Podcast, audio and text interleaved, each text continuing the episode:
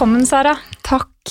Velkommen til Ungdomsforeldrepodkasten. Jeg syns det er litt stas at du er gjest her hos meg. Ja, det syns jeg òg. Og så er det litt rart, for jeg har jo ikke ungdomsbarn. Jeg har en syvåring og femåring og en på ti måneder.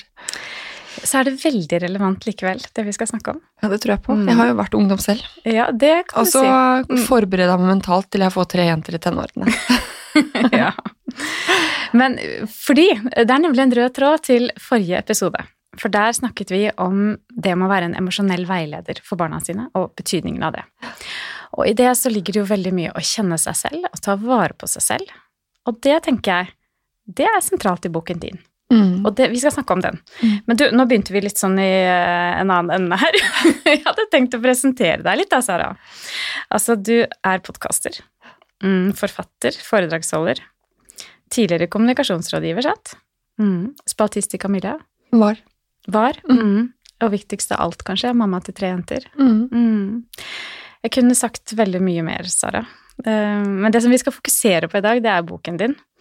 eh, Som baserer seg veldig mye på podkasten din, tenker jeg. Alle de du har intervjuet der. Stemmer det, eller? Jo, den gjør det. Og så er den jo noe annet. Det er ikke liksom sammendrag av alle episodene. Men jeg har jo Ingefær podkast startet jo for nesten fem år siden. En av de første i Norge som begynte med pod. Eh, og nå sjekka jeg ikke før jeg kom hit, men jeg tror jeg har over 160 episoder, har jeg ikke det? Jeg har veldig mange episoder. Mm, jeg skulle jo ha visst det. Men jeg har fulgt med på podkasten din. Det var en av de Det var de, det var faktisk Ingefær som fikk meg til å begynne å høre på podkaster. Det er stas. Det skal du vite. Og nå har du en egen. Det er kred. Ja! Det liker jeg, altså. Det så jo så gøy ut. Ja, det er ganske hyggelig. Ja. Men eh, jo, jeg intervjuet jo I begynnelsen så handlet ingefær kanskje litt mer om eh, Altså, de første episodene av ingefær er jeg ikke noe å skryte av, men de handlet kanskje mer om trening og mat, for da var jeg mer inne i det. Men etter hvert som jeg begynte å komme inn i det, så blir jo helsetematikken mye større, for det er så innmari mye som påvirker hvordan vi har det, og hvordan vi tar det. Og så er jeg jo veldig glad i å skrive, så etter hvert så snek det seg opp en stemme at jeg hadde lyst til å skrive en bok om dette her. Eh, og det ble til eh, litt lykkeligere. Så den er en del fra um, alle episodene, eller no, en del av tematikken, men det er mye som er i boken som ikke har vært på podkasten. Så selv om du har hørt alle episodene, som jeg vet noen har gjort, det er mange timer med meg å gjøre, så er det fremdeles eh, mye nytt i boken, da. Mm. Mm. Men man lærer mye av gjestene. Det har jeg Jeg, jeg kan skjønne den der spiren, den der jeg får lyst til å skrive dette ned. Altså, man lærer enormt mye av gode samtaler, Ja. sant? Jeg føler Og- at det har vært selvutvikling. Eh, Ja. som, både det å drive for meg selv, men også det å ha disse nære møtene i studio. For vi, vi, her, nå sitter vi i gullrommet, det likte jeg veldig godt, siden jeg liker gull. Men det studioet jeg har, er mye mindre. Så jeg føler at jeg, at jeg kommer så nære, da. Ja. Når vi er inne i studio en time og halvannen, kanskje chit-chat litt først, så kommer man så nærme på personen. Det er veldig fint, og noen ganger litt vanskelig. Eller sånn hvis man har en gjest man kanskje ikke er skikkelig på nett med, da. Men først og fremst veldig sånn eh, Hvis man kan si det sånn at det er omtrent en gave. Folk gir så mye av seg selv og sin kunnskap i intervjuene. Mm. Jeg er helt enig.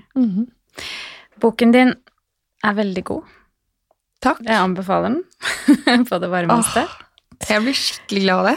Hvordan, hvordan var det, Sara, å sitte der liksom med Jeg regner med at du har sittet bak PC-en hjemme og skrevet og skrevet, og så kommer det ut som en sånn ferdig bok. Fin. Rosa eh, hva, hva kaller du den fargen? Er ikke det fersken eller noe Rosa fersken. fersken. Ja. Ja. Litt lykkeligere. Ja. Du, det, det er jo en prosess. Altså Først så er det jo bare en mengde Word-dokument lagret på Mac-en og i skyen, i tilfelle noe skal skje. Ganske nøye på det. Eh, og så går det jo frem og tilbake mellom meg og redaktøren, og, og, men det jeg synes var Eller sånn, når jeg skjønte at dette kom til å bli en bok, var jo eh, Lisen, min yngste, kom i november, så det var vel i februar eller januar eller noe sånt. Jeg satt og ferdiggjorde boken, og når jeg fikk hvordan det så ut på Mac-en, og så liksom Å ja, sånn ble den siden, og den ble siden, og sånn, det var sånn Herregud, dette blir en bok.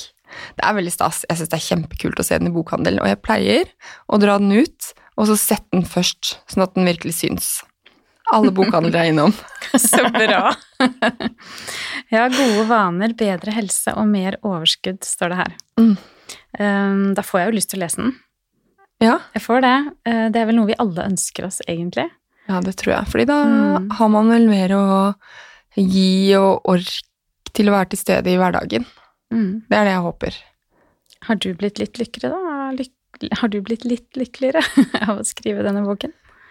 Ja, det har jeg. Altså, altså det lykkebegrepet er jo litt sånn hva er lykke? Det diskuterer jeg jo ikke i boken. Jeg går ikke i en sånn filosofisk eh, tankesnurr si, på hva lykke er, for da kan jeg skrevet mange bøker om det. Men for meg så handler det om å bli litt lykkeligere og ha det bare å ha det bra. Så kanskje boken kunne hatt det, men jeg syns litt lykkeligere var fint. Men i alle de årene med ingefær og med arbeidet med boken, så har jeg jo Altså, det det handler om, det første kapittelet er jo vaner. Så det er jo sånn hvordan man kan etablere handlinger i hverdagen som er hensiktsmessige, og kanskje kaste vekk noen som ikke gagner en så mye. Og de andre kapitlene er sånn hva som forskning sier og viser at gjør oss godt. Så jeg har jo såpass mange verktøy nå innabords at jeg jeg går ikke rundt tror jeg, og er på en sånn rosa sky hele tiden, men jeg greier å hente meg opp litt lettere. Og jeg tror jeg har større aksept for de dagene hvor jeg har det tøft, at det også er en del av livet. For det handler ikke om handler ikke om at vi skal være, gå rundt og være lykkelige hele tiden og kjenne oss kriblende forelsket i livet. Det handler mer om å akseptere at eh, livet også kan være innmari tøft, eller deler av livet kan være veldig tøft, men at man likevel kan ha det fint, eller skifte fokus sånn at man takler de tøffe dagene litt bedre, da. Mm. Det tror jeg er det viktigste. Eller ja, ikke det viktigste, men det er litt av eh, konseptet, tror jeg. Og eh, for meg så har det handlet om det, altså. For den sommeren her syns jeg på noen måter har vært sånn passe. Eller 2020 har jo for veldig mange vært ganske tøft. Eh, men parallelt med det så har jeg hatt det kjempefint fordi jeg vet hva som er viktig for meg. Det kan vi sikkert snakke om senere. Eh, og fordi jeg vet eh, hvilke rutiner og vaner som gjør meg veldig godt, da. Og hvilke jeg ikke skal prøve å få til, eller kutte ut, fordi det krever så mye energi, at det funker ikke nå. Ja, akkurat det du snakker om, tenker jeg, det handler om bevissthet. Det Mhm. handler om å kjenne seg selv eh, litt bedre. Mm. Eh, og, og den kunnskapen eh, som du formidler her, syns jeg jo virkelig Ja, den gjør at man må kjenne litt etter hva er det som er riktig for meg. Jeg pleier å snakke litt sånn er jeg i hodet nå, eller er jeg i kroppen min nå? Eh, sant? Mm. For det er mye, mye jeg vil, men som jeg kanskje ikke men som jeg kanskje, hvis jeg er helt ærlig, da, og også er, har fått en bevissthet på, kjenner at kanskje er feil for meg. Mm. Sant? Og den bevisstheten, den tror jeg faktisk gjør oss litt lykkeligere.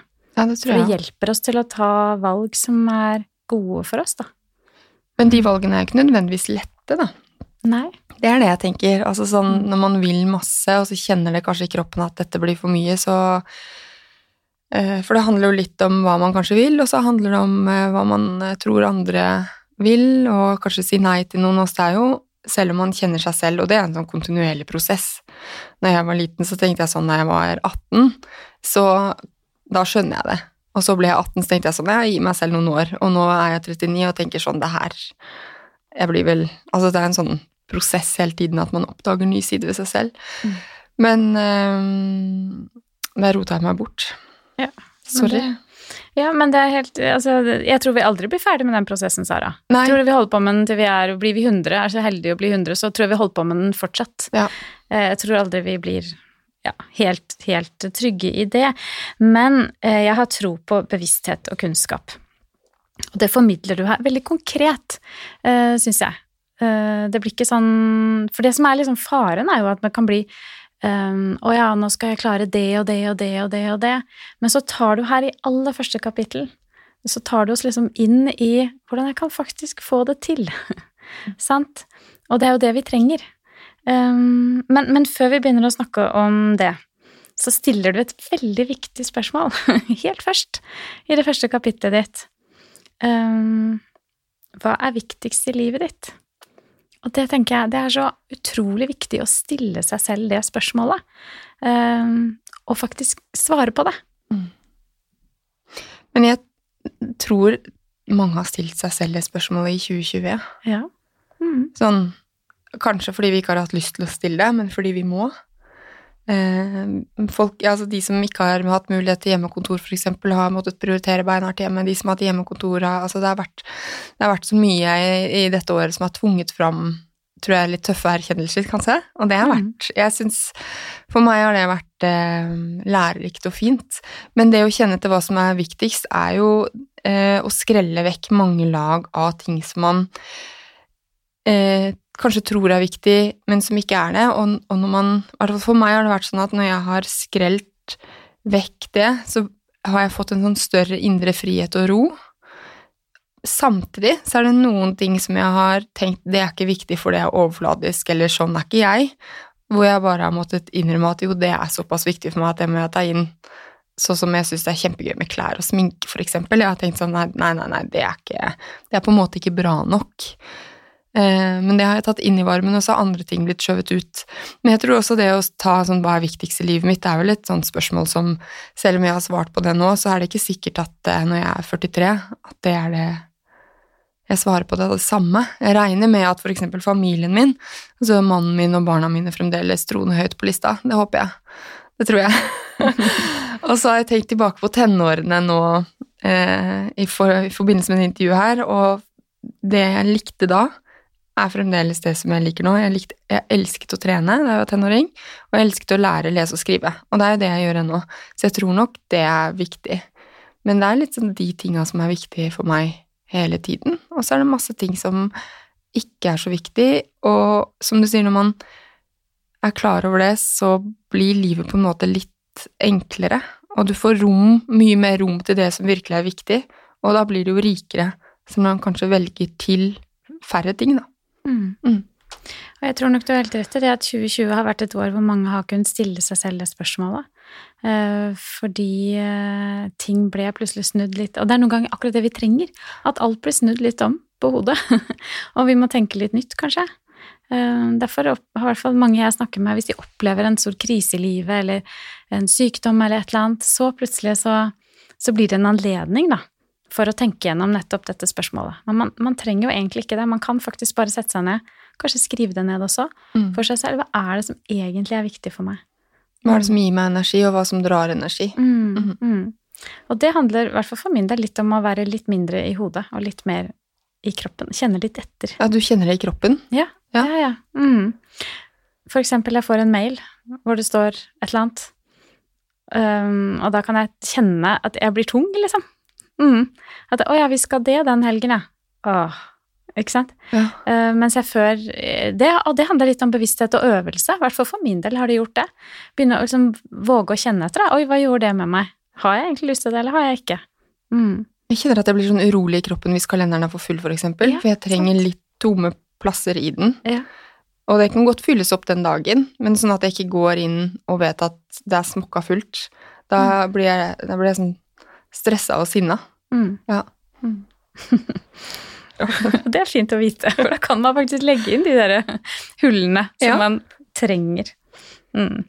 Du, du um, innleder uh, det kapitlet om motivasjon og valg, eller hvordan vi kan lage gode vaner som varer, ehm, med eh, dette spørsmålet med hva som er det viktigste i livet.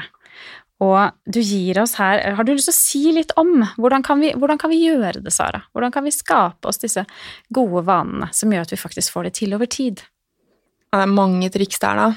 Og så må jeg også si at jeg er ikke sånn vane Jeg har mine, jeg har mine ting som ikke funker. Og det er godt å høre. det er kontinuerlig prosess. Men jeg syns også jeg er god på visse ting, da. Det er det. Eh, for meg så handler vel eh, gode vaner mye om at jeg vil meg selv godt, da. Altså, jeg eh, unner meg det å ha gode vaner av det som For eksempel så er det viktig for meg med regelmessig trening, fordi jeg bare funker så mye bedre av det. Sånn i hodet og i kroppen.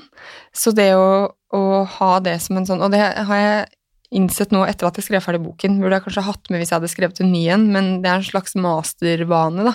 Hvis det er på stell, så er det veldig mange andre ting som, som retter seg etter det. Jeg drikker kanskje et glass mindre vin på kvelden. Eh, Istedenfor to, så drikker jeg ett, da, for å si det sånn. Eller tre, så drikker jeg ett. Eh, og jeg spiser sunnere, jeg legger meg litt tidligere. Så trening gjør at jeg blir litt sunnere, på et vis.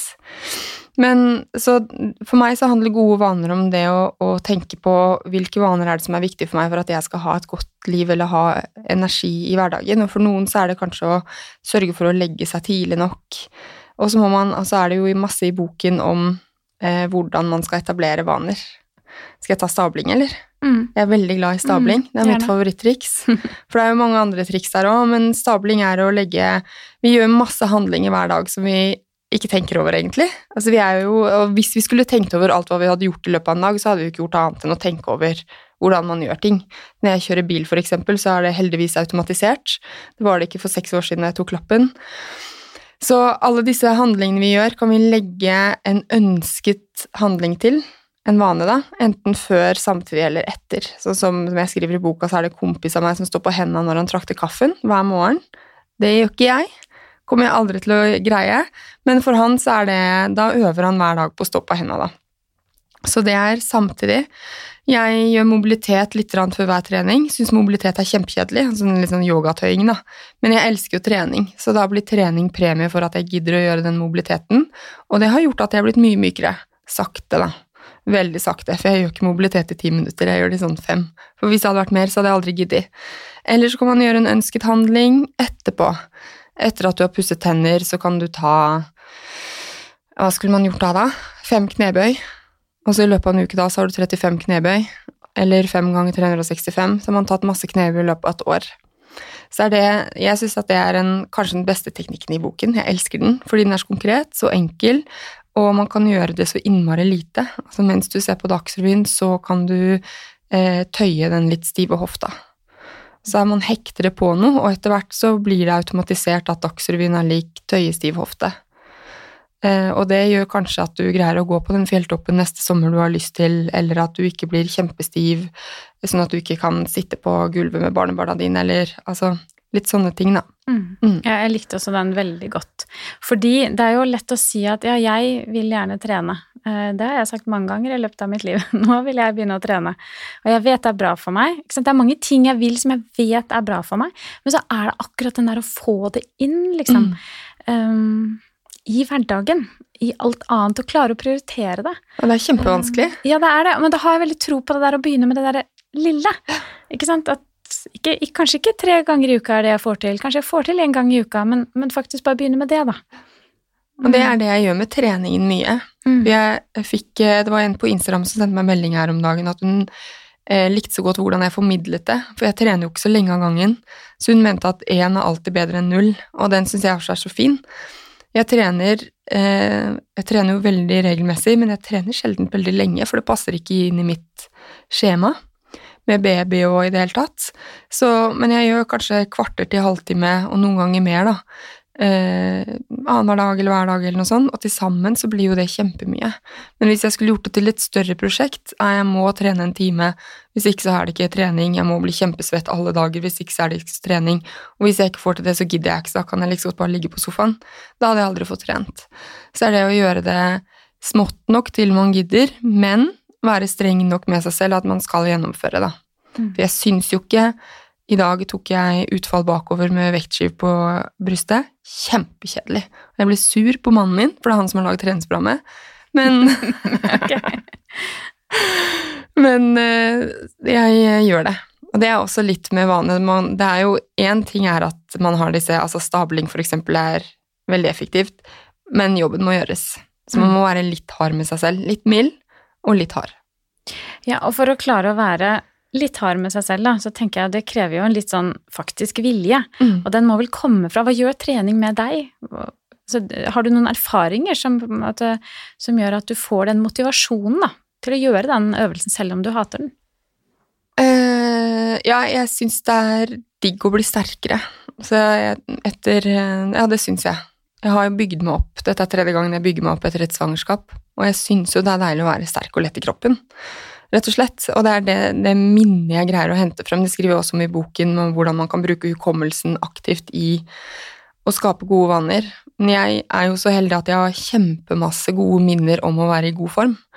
Så jeg henter det fram når altså, eh, For eksempel kondisjonen min er kjempedårlig nå, og når jeg løper nå, så er eh, hva skal jeg si, realiteten er ikke det samme som minnet jeg husker om å digg det kan og løpe veldig lenge. Jeg syns det er så vondt nå at jeg ikke gjør det, egentlig, må jeg si. Eh, så, så, for meg så er trening eh, selvomsorg veldig, og så er det egentid, og det trenger man som foreldre. Og jeg syns å ha en syvåring og femåring og baby er kjempeintenst, og det er garantert å ha tenåringsbarn også. Så det er sånn hellig egentid for meg. Eh, og så blir man jo mer Altså, man blir kreativ og smarte, og de beste ideene til ikke bare meg, men til mange andre, kommer jo når man beveger på kroppen. Så det er en sånn kjemisk lykkepott som skjer når man trener, men først og fremst for meg så er det at jeg vet at jeg er bedre mamma og bedre Sara etter en økt. Mm. Og det er kjempeviktig. Og litt det med mamma. Det syns jeg også er viktig. At jeg har mer å gi når jeg mm. tar vare på meg sjæl. Ja, og så mm. tenker jeg jo at Og så er det sånn, Sara, at når barna blir større så, få, så mange, mange, av lytterne her er jo tenåringsforeldre og har opplevd at ja, det frigjør litt tid. Man får faktisk litt mer mulighet, litt større fleksibilitet. Selv om barna fortsatt trenger oss, eh, så trenger de oss på, bare på en litt annet vis. Ammer ikke. Nei, sant. Nei. Du kan gå deg en tur uten at noen savner deg. sant. Det går fint, liksom. Det er en fremtid. Ja. ja. Og det er veldig godt selv har jeg jo kjent veldig på det. At uh, det er fantastisk å kunne ta seg en løpetur klokka fem på ettermiddagen. Altså, det er jo mange år hvor man ikke kan det. Ja, for det kan Fordi ikke jeg. det er liksom den der tiden hvor det koker, på en måte. Ja. Alle har kommet hjem fra skole, barnehage, og, og, det er mye som skjer. Men det varer bare en liten stund, og så ja. går det over, og så kan du gjøre det. Ja. Mm. Men um, da har man i mange år eh, ikke gjort det, kanskje. Fordi man har kjørt og hentet og fraktet og bringet og holdt på med alt dette her. Mm. Så det krever en liten sånn bevissthet i den overgangen.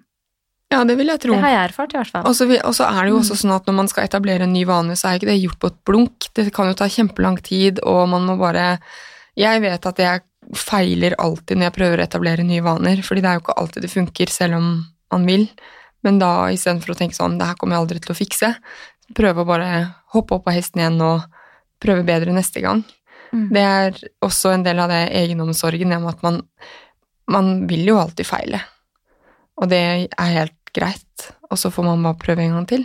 Mm. Og så etter hvert så går det. Jeg liker at du bruker ordet egenomsorg.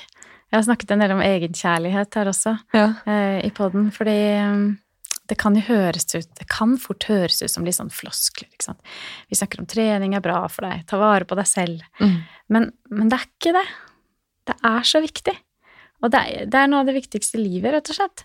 Eh, for det handler jo om det å Hva legger du i begrepet egenomsorg? Mm. Ja, hva legger jeg i det begrepet, da? Være snill med meg selv. Mm. Og det, det, er vanskelig. Altså, jeg kan jo være Jeg skriver jo om indre dialog i boken nå, eh, for jeg kan jo ha en nådeløs indre dialog i, til tider, altså hvor det er virkelig sånn eh, Sånn tjatrete dritt prat liksom, i hodet mitt. Eh, men i hvert fall bli klar over at å ja, nå, nå, er vi der. Og så prøve å være litt snillere med meg selv. Fordi jeg tenker at eh, at jeg er den eneste som skal leve med meg hele livet. Vi er jo Jeg er jo ikke sikra at ekteskap og barna blir større etter hvert. Så det å være snill med meg selv tenker jeg er sånn grunnfundament for et godt liv. Ja. Mm. Så det, jeg, jeg, vil vel si egenomsorg, være snill med meg selv, eh, godta mine mindre pene sider, fordi alle har jo sine skyggesider. Eh, og ta vare på meg selv så godt det lar seg gjøre i de ulike situasjonene vi er i livet. Det er jo ikke alle perioder av livet hvor vi har masse tid eller masse overskudd, men være ja, raus med seg selv. Mm. Og litt streng når det trengs. Ja. ja. ja, det er litt sånn egenomsorg i det også, ja. egentlig. Ja, ja det, er, det, er, egentlig det. Og så tenker jeg bare at vi, vi, som er foreldre, vi er forbilder hele tiden. Så jeg syns jo det er, er viktig med den egenomsorgen også, fordi da forteller jeg jo faktisk til barna mine at du kan også ta vare på deg selv. Mm. Du kan også si nei til ting. Uh, sant? Mm. Ja, det tenker jeg mye på som har tre jenter. Jeg tenker at hvis jeg ikke viser at jeg har grenser og kan f.eks. bli sint hvis noen tråkker over mine grenser eller er kjip, eller at jeg kan bli lei meg, så hvordan kan de lære det? Mm. Mm. Det, det, det syns jeg er kjempeviktig. Ja. Og vanskelig. ja, og noe der som jeg har jobbet litt med der, og som du også skriver om i boken din, det handler om å gi seg selv lov til å hvile.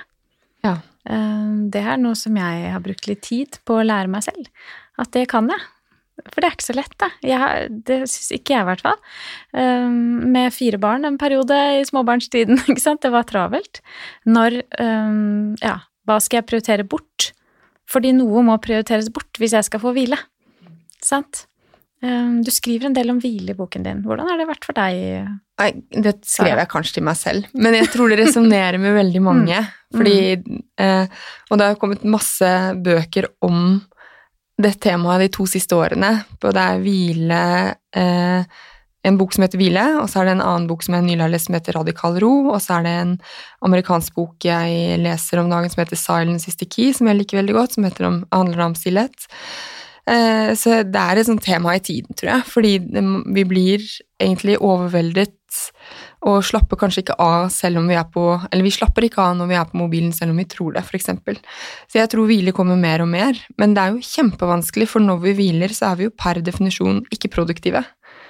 Og produktivitet blir jo veldig høyt ansett i samfunnet vårt. Det å gjøre noe. Og mens hvis man eh, slapper av på sofaen eller tar en eh, morfar, som en jeg kjenner kaller det for, altså hvile, eller ta en høneblund midt på dagen, da gjør man jo egentlig ingenting. Eller bare å gå en tur bare for å titte på vet ikke, rosen i nabolaget, eller Men faktum er at når man hviler, så opererer hjernen i eh, default mode network, eh, som gjør at man trekker Altså, man eh, kan komme på kreative tanker, man blir mer empatisk. Eh, ja, altså det er masse, masse bra som skjer når man hviler med oss. Så sånn sett så er det produktivt å hvile. Men det er kjempevanskelig, for du må jo velge bort. Jeg syns det er vanskelig å, eh, å hvile når, eh, når det bør støvsuges, eller når man vasker klær, eller hva som må gjøres hjemme. Det hørtes ut som jeg gjorde alt husarbeidet. Men, eller når man må jobbe eller har en deadline. Så det å hvile er For meg har det vært sånn triks å, å akkurat som søvn, for jeg er notorisk eh, Jeg er veldig glad i å ikke legge meg. Men det å sette det opp som et gjøremål, på lik lignende med de andre gjøremålene. Ta oppvasken, sove litt på dagen, for eksempel. Mm. Altså få det opp på agendaen. Da er det, hvis det å hvile blir et gjøremål, så er det lettere, tror jeg, da. Men det er vanskelig. Kjempevanskelig. Mm. Men jeg tror det er skikkelig viktig. Og jeg tror Jeg er sikker på at alle trenger å roe reka litt mer enn det vi gjør. Jeg er helt enig med deg. Mm. Og og selv har jeg måttet jobbe litt med det. Ja. Eh, Men tenkt at når jeg viser barna mine at jeg hviler, når jeg rett og slett slenger meg på sofaen, så har jeg tenkt nå er jeg et godt forbilde for barna mine. Ja. Eh, Og det, jeg tenker at vi er det da, for det er såpass mye stress der ute. Det er så mye krav hele tiden. Så det at jeg hjemme sier at vet du, her kan vi hvile, eh, her er det fri, det tenker jeg er viktig, da. For da gir jeg de, de Når jeg vil, viser de at jeg hviler, så gir jeg de også muligheten til det. Um, mm. Mm. Så jeg har brukt det egentlig litt sånn bevisst, jeg. Sagt, vet du hva, nå flyter det oppvask og sånn og sånn. Jeg orker ikke noe, jeg. Nå må jeg hvile. Det forsvinner jo ikke. Nei, det gjør ikke det. Nei. Det gjør ikke det. Selv har jeg brukt som argument hele tiden uh, tidligere at uh, ja, ja, men hvis jeg ikke gjør det nå, så må jeg jo Da hoper det seg jo opp, da. En eller annen gang må jeg jo gjøre det. Så da kan du like liksom godt gjøre det nå istedenfor å slappe av. Ja, sant. Ja. Det er jo fort det vi, det er jo fort det vi sier. Ja, ja, ja. At, Eller det må eh, se sånn og sånn ut for at jeg kunne klare å slappe av. Ja, Mm. ja. Men da kommer vi jo aldri, kommer jo aldri dit. Ser aldri helt ryddig nok ut. Så, så det å ta seg den tiden Men du stiller et veldig viktig spørsmål i boken din akkurat i forhold til det med hvile, syns jeg. Mm. Eh, fordi det er ikke så veldig hva skal jeg si, i tiden å, å hvile, da. Det er mye vi skal få til. Um, og så sier du Hva sier det egentlig om menneskesynet vårt når vi har problemer med å hvile? Ja, Det syns jeg var et interessant spørsmål. ja det har jeg stilt meg Mm. selv òg. Ja. Jeg, jeg skriver jo om eh, farmoren og farfaren min i eh, boken, Mm. for de hvilte. Og de var kjempeproduktive. De hadde jo to hytter og stort hus med hage, og de syltet og saftet, og, og farmor utdannet seg til lærer når hun var litt over 40. Altså, de var sånn produktive mennesker, men eh, de hvilte. Men der dro jeg inn det med at det beste er å være produktiv, selv om man hviler. Mm. Jeg tror det ligger så i oss. Mm. Men ja, det, det sier jo kanskje litt om at hvis man ikke er ute og produserer eller gjør et eller annet, så er man ikke fullgod. Jeg vet ikke. Jeg, jeg har veldig vanskeligheter for For jeg jobber mye med det selv om dagen, for jeg syns jo mammaperm er eh, ja, altså jeg skrev ferdig den boken, jeg begynte å skrive ferdig når Lisen var ni dager, så da kan man se meg på toppen av produktivitetsskalaen man nettopp har født en unge og så ammer og Men jeg syns eh, jeg har hatt vanskeligheter med de siste ukene og på en måte bare vært i mammaperm, fordi jeg føler ikke at jeg gjør noe. Når jeg ammer, lager mat, eh, mater henne, for hun ja, og altså må trilles i søvn to ganger daglig, så føler jeg at, at dagen bare flyr, men jeg har ikke gjort noe.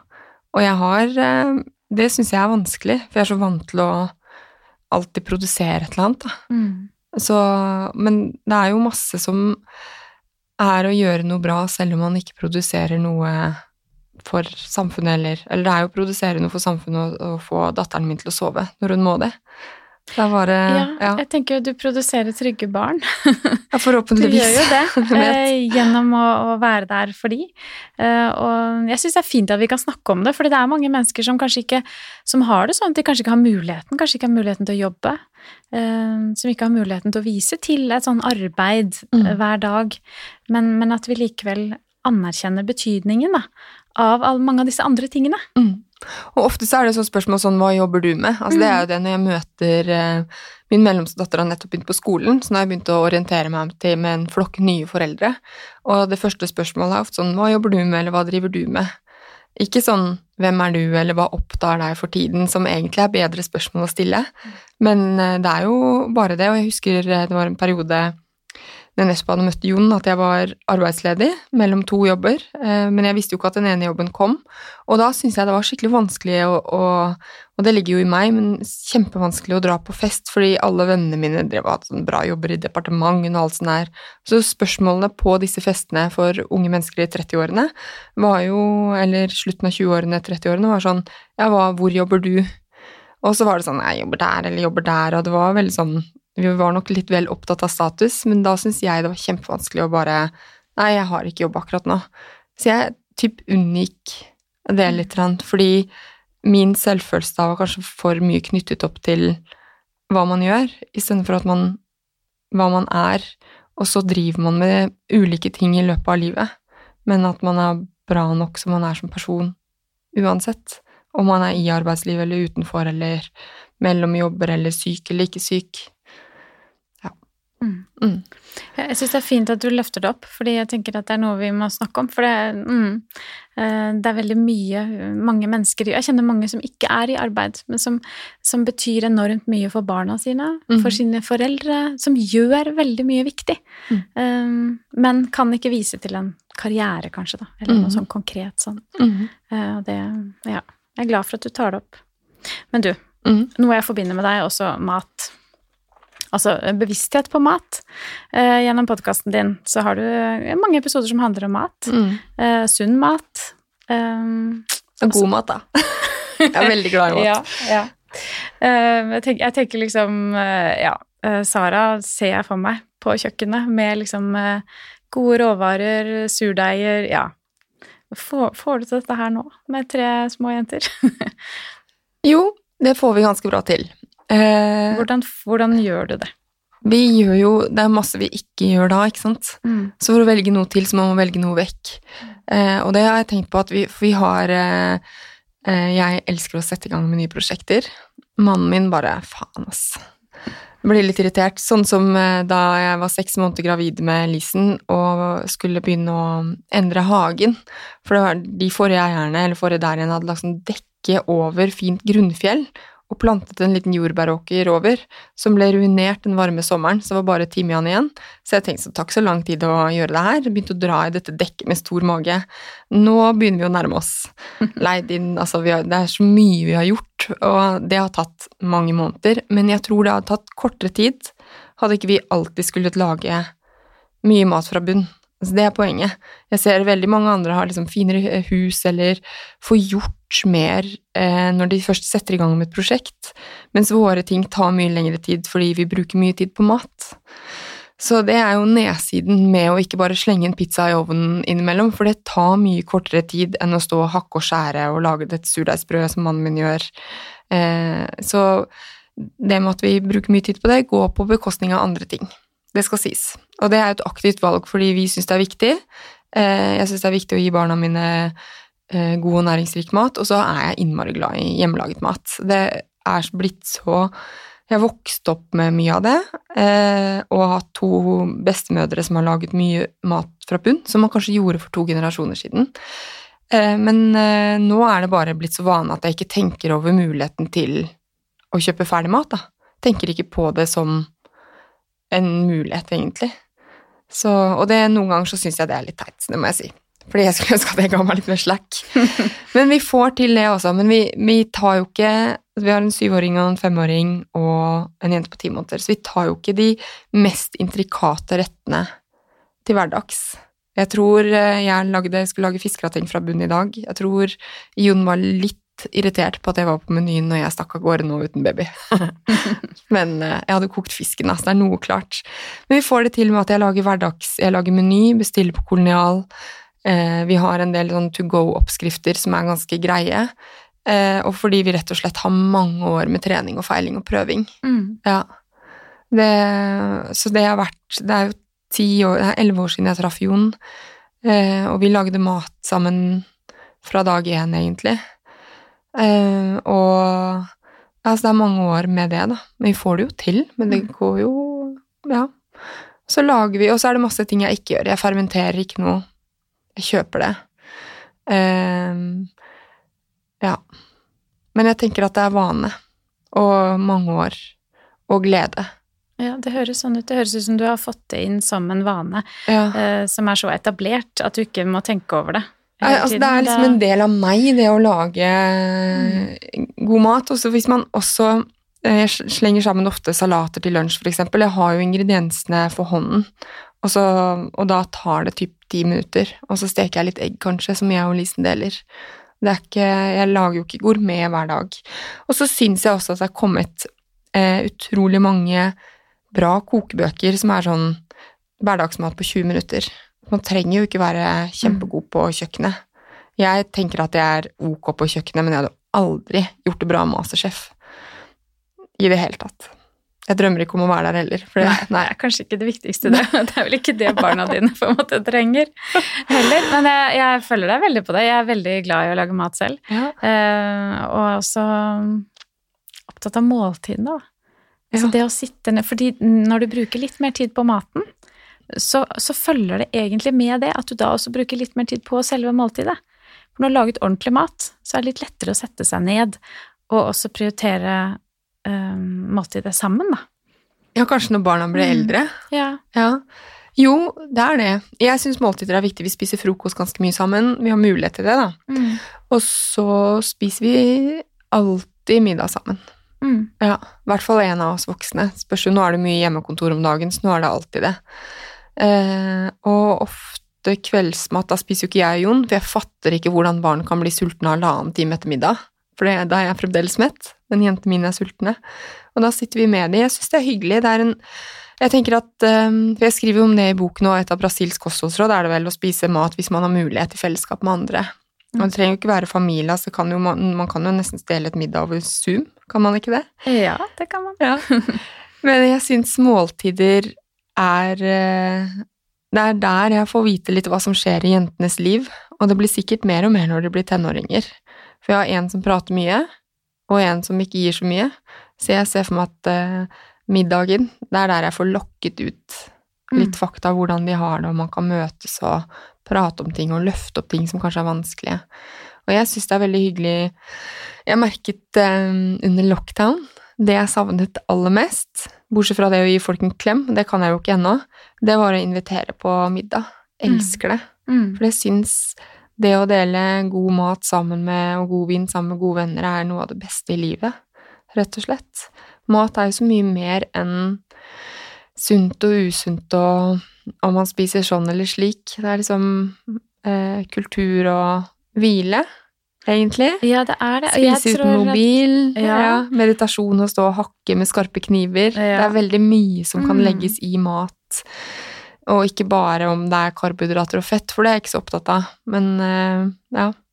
Ja, for det er ikke bare, ikke bare hva du spiser, men hvordan du spiser den, tror jeg også har veldig mye å si Mm. eh, for helsen vår og for kroppen vår, og det å sitte ned sammen. Mm. Eh, Når du snakket om det med måltider, så bare kom jeg på en ting som jeg gjorde da når barna var små. Så var det ofte at det passet i forhold til deres aktiviteter og sånn, at vi spiste litt tidlig. Men mannen min kunne ofte ikke komme hjem da, så det var mye meg, som, jeg som spiste med barna. Uh, og så hadde de med venner hjem, og det var ofte liksom veldig mange rundt måltidet. Og ganske kaotisk som det kan være med småbarn. Og da husker jeg at jeg i desperasjon en ettermiddag, uh, for å få litt ro rundt måltidet, sa at nå skal vi ta en runde. Eh, og det har blitt, den runden vi begynte med den dagen, har blitt en sånn runde som vi fortsatt holder på med, egentlig. Ikke hver gang, men, men at når vi setter oss ned til, til middag, så er det alltid en runde på eh, hva har vært bra i dag, og er det noe som har vært dumt i dag, eller vanskelig i dag. Og det har blitt en sånn herre, ja, eh, veldig fin ting, egentlig, som vi alltid gjør rundt måltidet. Um, mm, både for å. Ja, det er egentlig veldig nyttig. Uh, og selv om barna har blitt store, og nå har det blitt en selvfølge at vi setter oss ned sammen og spiser uh, og snakker, så kan vi fortsatt innimellom ta runden. Fordi da får alle snakke, da får alle litt tid, uh, og ikke minst også kan man hente opp igjen liksom, hva er det som har, har vært bra i dag. For kanskje det føles ut som ingenting har vært bra, og så må man tenke litt gjennom det, så har det kanskje vært noe bra likevel. Men var vennene på det òg? Altså, Ja, ja, kompis som- Truls var med på å si det? Ja da, ja da. Så Det ble liksom så Og barna ble så glad i det at de ønsket seg det jo selv. Så hvis jeg glemte det, så var det en av de som nevnte det, at vi må jo ta runden. Vi kan ikke spise uten runden. Det går ikke. Ja. Så. Nei, men det var bare en sånn digresjon, egentlig, men som jeg har Ja, er opptatt av det med måltidet også, at det også er viktig. Men du, eh, Sara, du skriver en liten historie i boken din om, om eh, også forhold til mat som, som har vært litt vanskelig for deg. Litt sånn da du var 16 år. Ja, da jeg var Mhm. tenåring. Ja, vil du, vil du fortelle den historien litt sånn kort? Ja, det kan jeg godt. Jeg skal prøve å være kort. Ja. For jeg har tenkt mye på den, for du, du sa at jeg skulle snakke om den, eller ville at jeg skulle snakke om den, for jeg skriver Ja. om det i boken. Mm. Eh, og så har jeg tenkt litt sånn på For jeg, jeg vil jo tro at det er sånn en av mange bekymringer til foreldre er Kommer barnet mitt til å ha bra forhold til kropp og mat? Og, det, og naturlig nok, fordi det er så, så opp i dagen og kanskje sliter med det eller ikke sliter med det, og man kjenner alltid noen som sliter med det. Men for meg så var det Så jeg tenkte litt på hvordan det begynte. Og, og jeg tenker sånn, hadde det vært, Hvis ting hadde vært annerledes, hadde, det, hadde jeg fortsatt utviklet eh, spiseproblemer, og det vet man jo ikke. Fordi jeg har jo ikke mulighet til å gå tilbake og leve livet mitt på nytt. Men jeg tror det er mange blandinger eller kombinasjoner. For det første så var jeg Jeg er jo fremdeles ikke noen liten nett jente. Jeg er jo sterk, og jeg var veldig sterk. Jeg trente håndball Eller på mandager så trente jeg to ganger på skolen og håndball på ettermiddagen. Eh, og jeg trente håndball tre ganger i uken pluss kamper, hadde gym tre ganger i uken, syklet i hvert fall en mil hver dag. Altså var kjempeaktiv og veldig sterk, og brukte i hvert fall tre-fire størrelser større enn min beste venninne i jeans, 501 på den tiden, og Dr. Martens. Mm. Veldig viktig hvilken om du var under eller over 30 i, eh, i livvidde. Og det var jo bare på skolen. Nå er jo sammenligningsgrunnlaget mye større med filter, Mm. så jeg er veldig glad at jeg kanskje ikke levde på den tiden. Men kanskje man takler det nå. Og så hadde mamma og pappa det veldig trøblete. De skilte seg da jeg var 14. Eh, og, og når man går gjennom en skilsmisse, jeg vet ikke hvordan det er nå, men på den tiden så var det ingenting av skole, eller det var ikke sånn inn til samtale, eller foreldrene dine går igjennom noe, altså det var bare sånn, ja, de har skilt seg i løpet av sommeren. Så min eh, ungdomsskolelærer er fortsatt veldig god venninne med, så jeg liksom grabbet tak i noen voksne mennesker som kunne holde meg litt ekstra i den prosessen. Men jeg håper egentlig at, vi, at det kanskje er litt bedre oppfølging nå, jeg vet ikke. Eller om kanskje for, foreldre kan få inn barna sine til litt samtaler eller hjelp. Men jeg hadde i hvert fall ingenting, og så var jeg også eh, veldig god i alt. Jeg var ikke noe flink pike, men jeg var veldig god i håndball, jeg var best på skolen. Så jeg fiksa liksom alt tilsynelatende bra, til jeg ikke fiksa det mer. Fordi når jeg var 16 år, så var det var nok mamma og pappa litt for lite til stede. De gjorde så godt de kunne, men eh, for meg var det nok ikke nok, da. Og det er litt sånn eh, Mamma og pappa vet jo det her, så det er ikke noe hemmelighet, på en måte. Og de skulle nok gjerne gjort annerledes, men så som voksen så går man jo gjennom ting i livet hvor man vet nå er ikke jeg god nok mamma eller pappa. Det tror jeg veldig mange gjør. Og det er noe sånn det er å være mamma og pappa, fordi man er jo bare et menneske, selv om man har ansvar for andre barn. Så jeg brukte mat som kontroll, da, og det er mange som kanskje trener for mye eller gamer for mye eller blir avhengig av det ene eller det andre, men jeg begynte å spise mindre. Så begynte jeg, når jeg begynte på videregående, så begynte jeg å spise enda litt mindre, og så bestemte jeg meg for å flytte som utvekslingsstudent til Canada. Eh, og det var nok delvis også for å komme vekk fra kaos i familien. Så når jeg kom dit, så savnet jeg min første kjæreste og kom til en familie som var veldig hyggelig, men kanskje ikke der jeg helst ville være, på prærien i Canada. 267 innbyggere. Oi, så tøft du var. Gud. Nei, det var så kulturkrasj. Ja. Og første festen så brant de paller, og, jeg, og hørte på country. Og sånn fæl rockemusikk, husker jeg. Og jeg bare Dette her er helt krise. Så eneste måten jeg liksom taklet det på, var å spise veldig lite. Så jeg ble sendt hjem til jul, fordi da var jeg skraptynn. Jeg ville hjem òg, da. Eh, og da kom jeg ganske fort til hektene igjen og flyttet ganske fort ut. Jeg flyttet ut veldig tidlig, for jeg skjønte at jeg, jeg, det var ikke bra for meg å bo hos verken mamma eller pappa da. Så det med mat og følelser er nok eh, Altså, det er veldig vanlig, jeg skriver om det i boken, at det er kjempevanlig. Eh, og så er det kanskje tabubelagt og skambelagt, selv om veldig mange sliter med det. Og så er det jo de fleste, så ser man det jo ikke på. For overspising, for eksempel, er jo den vanligste spiseforstyrrelsen. Og da har man Man kan være normalvektig eller undervektig eller overvektig med det, men, men man kanskje snakker ikke om det, og det er eh, flaut å si at man ikke har kontroll helt over eget matinntak. Så det er veldig, veldig, veldig vanlig. Og det vil jeg få frem litt i boken med eh, den historien, men også det jeg skriver om mat og følelser, at det er eh, at det er så vanlig, og dermed så ta vekk brodden av kanskje farligheten, og dermed gjør det lettere. Jeg vet ikke. Mm. Og så tenker jeg sånn at eh, det er jo min største, eller en av mine redsler, at jentene skal utvikle det, i og med at vi er opptatt av mat og trening, men det, det er utenfor min kontroll, tror jeg. For jeg, det kan godt hende at jeg også hadde blitt skraptynn hadde mamma og pappa hatt det bra. Altså at det bare lå latent i meg. At jeg måtte kontrollere det å bli tenåring på den måten. Det vet man jo ikke. Nei, det er vanskelig å vite, men jeg tror det er veldig riktig det du sier, tror jeg. Altså det at vi Det er det å ta kontroll eh, på mat, tror jeg sånn For mange, ikke sant, behov for kontroll, og da er mat ganske lett å ta kontroll på, da. Mm. Um, mm. Ja, det er jo det. Men så, på et tidspunkt, så er det jo mange da som mister kontrollen over den innbilte kontrollen. Enten det er det ene eller det andre, og da begynner det å bli farlig. Jeg husker at jeg satt på flyet på vei hjem fra Canada, for jeg hadde vært på sånn spisevegringssenter hvor jeg var veldig glad over å være tynnest. Det var en seier. Jeg kastet ikke opp, det gjorde jeg aldri, det var en seier, syns jeg. Men så skjønte jeg der at jeg måtte bli hjemme for å komme hjem for å bli frisk, for jeg hadde ikke lyst til å være så fislete. Eh, Men på flyet hjem så husker jeg drev og diskuterte meg selv om hvorvidt jeg kunne ta en sånn kaneltyggis eller ikke. Det, var, det fantes jo ikke i Norge veldig stort, ikke sant, for de inneholdt sukker. Så jeg husker at jeg greide å ta en halv en.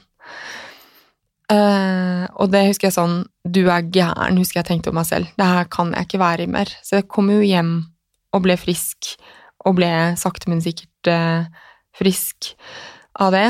Uh, men jeg hadde jo Jeg var heldig i at jeg greide å hente meg inn til å bli frisk. At jeg ikke hadde lyst til å fortsette, eller var blitt så syk at jeg ikke greide å hente meg inn. Hva var det som hjalp?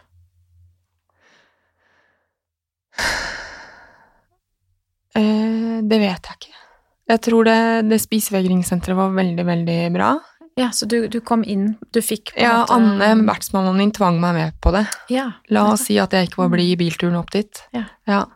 Eh, jeg var kjempesur for at jeg måtte på det, for jeg mente at jeg ikke var syk. Eh, men jeg tror det var det. Det var et veldig bra senter. Det var sånn helge, helgekurs, da. Eh, det tror jeg hjalp. Eh, og så tror jeg ikke at jeg hadde lyst til å være syk og til bry. Jeg lurer på om det også var noe. Jeg vet ikke. Mm. Det har ikke jeg tenkt på. Nei. Men jeg, jeg tror jeg, jeg likte ikke å være syk, tror jeg. Det er egentlig ingen som liker det. Men, eh, men jeg tenker når man, når man får et sånt forhold til mat, da, eller man bruker mat for å få kontroll på, på det som kanskje er en uro i livet, eller uh, utrygghet, eller Det kan Mm. være så mange ting. Mm. uh, når man bruker mat, da. Um, så, så trenger man hjelp, Mm. i hvert fall. Man, Mm. man, man kommer ikke ut av det helt på egen hånd, uh, som regel. Nei, men jeg tror det spiseværingssenteret, og så gikk jeg jo litt til psykolog, men jeg slutta fort hos det òg. Men jeg, jeg tror det, det var mange ting som hjalp, men det hjalp nok også å bo for meg selv. Jeg gikk på videregående i en annen by. Jeg gikk i Sandefjord istedenfor Tønsberg. Tok andre og tredje gym der. Eh, og litt sånne ting. Ja, fordi det handler jo som regel veldig lite om mat for de fleste, så derfor tenker jeg at det, det, det å ha et fokus på mat, det å spise sunn og god mat, det, det utløser jo ikke en spiseforstyrrelse. Det er gjerne andre ting i livet som, som gjør det, da. Ja, ja. Eh, Men du skriver også litt om skam, og det tenker jeg at jeg også hadde lyst til å snakke litt om nå helt til slutt. Ja. Fordi det, det mm, er min opplevelse av at det er mange mennesker som, som strever litt med. Og jeg tenker hvis vi ikke får til disse tingene, hvis vi ikke får til den treningen, vi klarer ikke å endre vaner, eller vi klarer ikke å få til å spise så sunt, så er det mange som kjenner på det her med skam. Mhm. Har du kjent på det i ditt liv? Mm. Mm. Når skammet jeg meg sist, da? Jeg tror jeg skamma litt daglig. Ja. Ja. Gjør det. Enten skal det være sånne ting jeg har gjort eller sagt, som tenker sånn uff, det der var under pari eller idiot eller noe sånt. Eller når jeg ikke får til ting jeg vil. Ofte så er skammen min kanskje forbundet til hvor jeg føler at jeg egentlig burde være, versus der jeg er, for eksempel. Men jeg prøver jo å løfte i boken ned med at alt ikke er på individnivå av å få til trening, eller å få til å spise sunt, eller få til å ikke være sinna mamma. Fordi det er, vi lever jo i et samfunn som eh, Altså, vi er individer i et, et, et større samspill. Så hvis man har jobber langt eh, unna, for eksempel, og har tre barn som må følge opp, eller er singel og syns det er vanskelig, så er det ikke alltid det er tilrettelagt for å kunne trene, for å kunne spise sunt. Så det å se seg selv i den konteksten man er i, tror jeg er veldig viktig. Det er litt sånn Jeg kan være veldig streng med meg selv med at eh, «Nei, jeg får ikke til det jeg vil og sånn, men så tenker jeg sånn, ja, men jeg har faktisk en baby. Og jeg kan ikke sammenligne meg med en venninne av meg, for eksempel, som bare pumper ut bøker, føles det ut som, og jeg tenker sånn, faen, hvorfor greier ikke jeg det, liksom? Så bare, å ja, hun har ikke tre barn. Så det er noe med det å ikke sammenligne seg med andre, og også se eh, hvilke forutsetninger som ligger til rette i hverdagen for at du klarer de vanene du har lyst til eller ikke. Så, og det har jo noe med den som vi snakket om, det med å være snill med seg selv. For kanskje du, man ikke bor et sted hvor man kan sykle til jobb, eller kanskje man ikke er i et miljø hvor eh, det er lett å endre kosthold, eller Og, og da ta det derfra. Mm. Mm. Ja, og faktisk også stille seg det spørsmålet som du starter boken din med. Hva er det som egentlig er viktig? Mm. Eh, Hva er det som er viktig for meg? For det, det kan jo hende at, eh, at det som er viktig for en annen, ikke er viktig for meg. Og så kan jeg kjenne på skam fordi jeg ikke får til det, men det er jo egentlig ikke det jeg vil. Så det, det å ha den bevisstheten også. Mm. Mm. Jeg har en venninne av meg som, Mm. som ikke syns at eh, eh, mat til barna er så innmari viktig, for det, det gidder hun ikke. Det er så mye annet som er viktig for henne. Så, for hun bare å, det, 'Barna dine får så lite sukker i forhold til mine.' Og så snakket vi litt om det, så hun bare ja, 'Men jeg har jo egentlig tatt et valg på at det, det er ikke der jeg legger lista', liksom. Og det er jo helt greit, fordi da, da har hun valgt det bort, og det er kjempefint, fordi da trenger ikke hun å bry seg om det, på en måte. Altså, det er ikke en del av det hun skal kjenne på, da. Mm. Ja. Ja, og det tror jeg er viktig, for det fins ikke noe oppskrift på hva som er riktig eller, eller galt, eller riktig verken ja, treningsmengde eller å leve livet sånn eller sånn, sant? Mm, mm, mm. Eh, Det er mange måter å leve livet på. Um, men jeg synes, altså det, det, er så mange, det er så mye interessant du skriver om i boken din, er Sara. Og jeg elsker det kapitlet som kapittel tre, hvor du altså skriver både om egenkjærlighet, som jeg har snakket litt om, sex og mobilbruk. Ja, min yndlingsoverskrift. eh, Ja, for det, det her henger jo ikke sammen, egentlig. Gjør det det? Sex og mobilbruk, liksom. Er det ikke det, skal vi ikke skille det? Um, Jo, og så var jeg på julefest, eller julelunsj, med en eh, pappaen til en i klassen til eldste som, eh, som jobber som redaktør.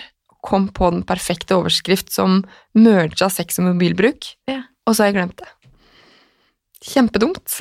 Man må skrive ned ideer med en gang. Det er sant. Men sex og mobilbry, jo, henger ikke det litt sammen her på at man må være til stede eh, i løpet av dagen for å ha lyst på hverandre på kvelden, hvis det er da man har seg, for Mm. Mm. Ja. Ja. Så det, det det handler om, er egentlig å ta disse pausene fra mobilen. Ja. Regner jeg med? Jo. Det er det du Ja. Ja, blant annet. Og det med mobilbruk òg er jo Det tar jo vekk Hvis man bruker for mye tid på mobilen, eh, så kan det ta vekk tid fra det som er viktig for et godt Eller for oss, altså sånn som eh, øyekontakt, relasjoner, det å bevege på seg, det å kanskje spise bra mat, hvis det er viktig for en. Altså alt det som Jeg i hvert fall syns jo at det å lese bøker gir mitt liv ekstra verdi. Og så tenker jeg ofte ja, nei, jeg har ikke helt tid til det og sånn. Men jeg er jo på Instagram sjukt mye. Så hvis jeg hadde vært litt mindre på Instagram, så kunne jeg jo hatt en bok ved siden av meg hele tiden og bladd litt i den. Altså det er noe med den Mm. at jeg føler at eh, og, jeg, og mobilbruk har vært sånn høyt oppe i pannebrasken min og blir bedre på hele tiden, og jeg blir stadig vekk ikke bedre på det. Men det tar vekk tiden fra kanskje ting som gjør oss litt lykkeligere, og kan ta vekk den familietiden. For jeg kan eh, ofte oppleve at jeg og Jon sitter på hver mobil, og så kjenner jeg sånn Så blir jeg dritirritert på Jon, liksom. Hvorfor sitter du på mobilen? Og så er det jo sånn hånd på hjertet seg, jeg er mer på mobilen enn han. Og det blir jo noe som er mellom oss. Jeg hørte på en podkast her om dagen hvor at, eh, at veldig mange Det første de eh, ser på om morgenen, er jo mobilen for å sjekke om det har skjedd noe nytt, istedenfor å si hei til partneren eller barna sine. Mm. Ja, og det er så ja, akkurat, akkurat som deg. Jeg også jobber med det hele tiden og får det ikke helt til. Men jeg liker, jeg liker veldig godt at du setter det sammen i et kapittel. Jeg gjør det Mm. fordi jeg tenker mobilbruk det, det handler om relasjonene våre. Relasjonen til oss selv uh, i egenomkjærligheten og, og til partneren vår og familien vår. Mm. Fordi det ødelegger, det ødelegger relasjonene våre hvis vi er for mye nedi den mobilen. Ja, hvis vi er for mye. Det Og det. også det med å tenke lange tanker, som jeg liker å kalle det selv. Fordi straks man har litt ledig tid, så er liksom VG nett eller på med pod på øret. Men, men jeg, eller, jeg tror ikke, man vet jo forskning viser jo det at man trenger disse pausene hvor hjernen bare jobber for seg sjæl, som jeg snakket om i stad. At det er superviktig for, eh, for hodet vårt og for psyken vår. Og så glemmer vi det litt, fordi vi alltid kan være på. Og så tror vi at vi slapper av, men så gjør vi det egentlig ikke. Mm. Så ja, så aktivt legge vesk, nei, mobilen, ha den i flymodus på natten eksempel, ikke ha den med når man går tur. Sånne ting tror jeg er viktig, men det er jo kjempevanskelig. Og jeg selv som har skrevet om det i i boken og hatt flere podkastepisoder om det, er jo ikke proff på det. Ja. Fordi det er vanskelig. Men det er godt å høre, så tenker jeg vi kan jo øve oss på det, da. Ja. Ja, og så tro, har jeg tro på at neste generasjon kommer til å klare det litt bedre enn oss. Tror du det? Ja, Fordi vi ser verdien av det? Ja, Ja. jeg har tro på de. Mm. ja, det er bra. Jeg har tro på de sjøl, jeg. Ja. Men du, Sara, helt til slutt. Hva gjør deg litt lykkeligere, da? Ja, det har jeg tenkt mye på. Jeg eh, blir Det er veldig mye som gjør meg lykkeligere, men jeg er veldig glad for at jeg er så, eh, blir så lett takknemlig. Så jeg tror takknemlighetsmuskelen det høres, ved, Og det syns jeg, når jeg hører andre si det, så tenker jeg sånn Herregud, så flåste. Men eh, sånn hånd på hjertet, så er jeg skikkelig glad for at eh, jeg er så god på å se fine ting, da. Sånn i dagene jeg sto, vi har garasje, jeg trener i garasjen, eh, og da ser jeg Vi bor på Nesodden, så jeg ser rett over til Nordstrand. På, det, på et sånt fint bygg der, så tenkte jeg sånn Å, så deilig at jeg kan se helt dit. Og da tenkte jeg sånn Nå er det på ville vei, liksom. Du kan ikke bli takknemlig over det. Nå er du litt for rusa på livet. Men eh, nei, det å se Være takknemlig for ting er jeg skikkelig god på, og skikkelig takknemlig over at jeg er god på, fordi det minner meg hele tiden om at det er veldig mye fint i livet mitt. Og så um, er jeg jo Hva annet gjør meg litt lykkeligere? Det er masse ting. Jeg blir for eksempel litt lykkeligere av å lære nye ting. Lese godt språk gjør meg skikkelig glad. Eh, Jon og jentene, så klart. Et godt glass vin. Det gjør meg kjempeglad. I dag la jeg på 2,5 kilo på knebøy. Det gjorde meg skikkelig godt. eh, så det er veldig mange Det er, det er småting. Og så kan det være store ting som å betale meg selv ut lønn som jeg selv har tjent, siden jeg er selvstendig næringsdrivende. Det er også Men i det hele tatt så tror jeg jeg er ganske god på å lete fram bra ting. Ja. Mm, og det tenker jeg jo, Bare det at du har kalt boken din det, gjør jo at man blir litt bevisst på det. Ja. Og at når jeg tok fram den, så tenkte jeg jo med en gang Oi, hva er det som gjør meg litt lykkeligere? ikke sant? Eh, og dermed, da kommer jo takknemlighet, blant annet, ikke sant? At da, da får vi en bevissthet på hva er det som faktisk gjør oss litt lykkeligere. Og du har jo nevnt flere ting i samtalen. Jeg tror gode samtaler er en av de tingene som ville vært høyt på din liste. Mm, helt klart. Du har også snakket om kjærlighetsspråk i andre, i, har jeg hørt, i, i din podkast. Mm. Uh, ja, og gode samtaler. Nå har vi ikke tid til å gå inn i kjærlighetsspråk, men, uh, men det skal vi gjøre i en annen episode. Ja, det må du ta opp. Det er veldig Mm. interessant. For der er det jo Ja, det er mitt eh, kjærlighetsspråk. Mm. Eh, tid. Og det er jo derfor jeg driver med podkasting, for jeg elsker å snakke med mennesker. Mm. Sant? Eh, og det gjør meg litt lykkeligere, ja. Mm. Mm, Podkasting og gjester. Så jeg har blitt litt lykkeligere, Sara, Åh. av denne praten med deg. Tusen takk. Takk selv. Veldig hyggelig å komme.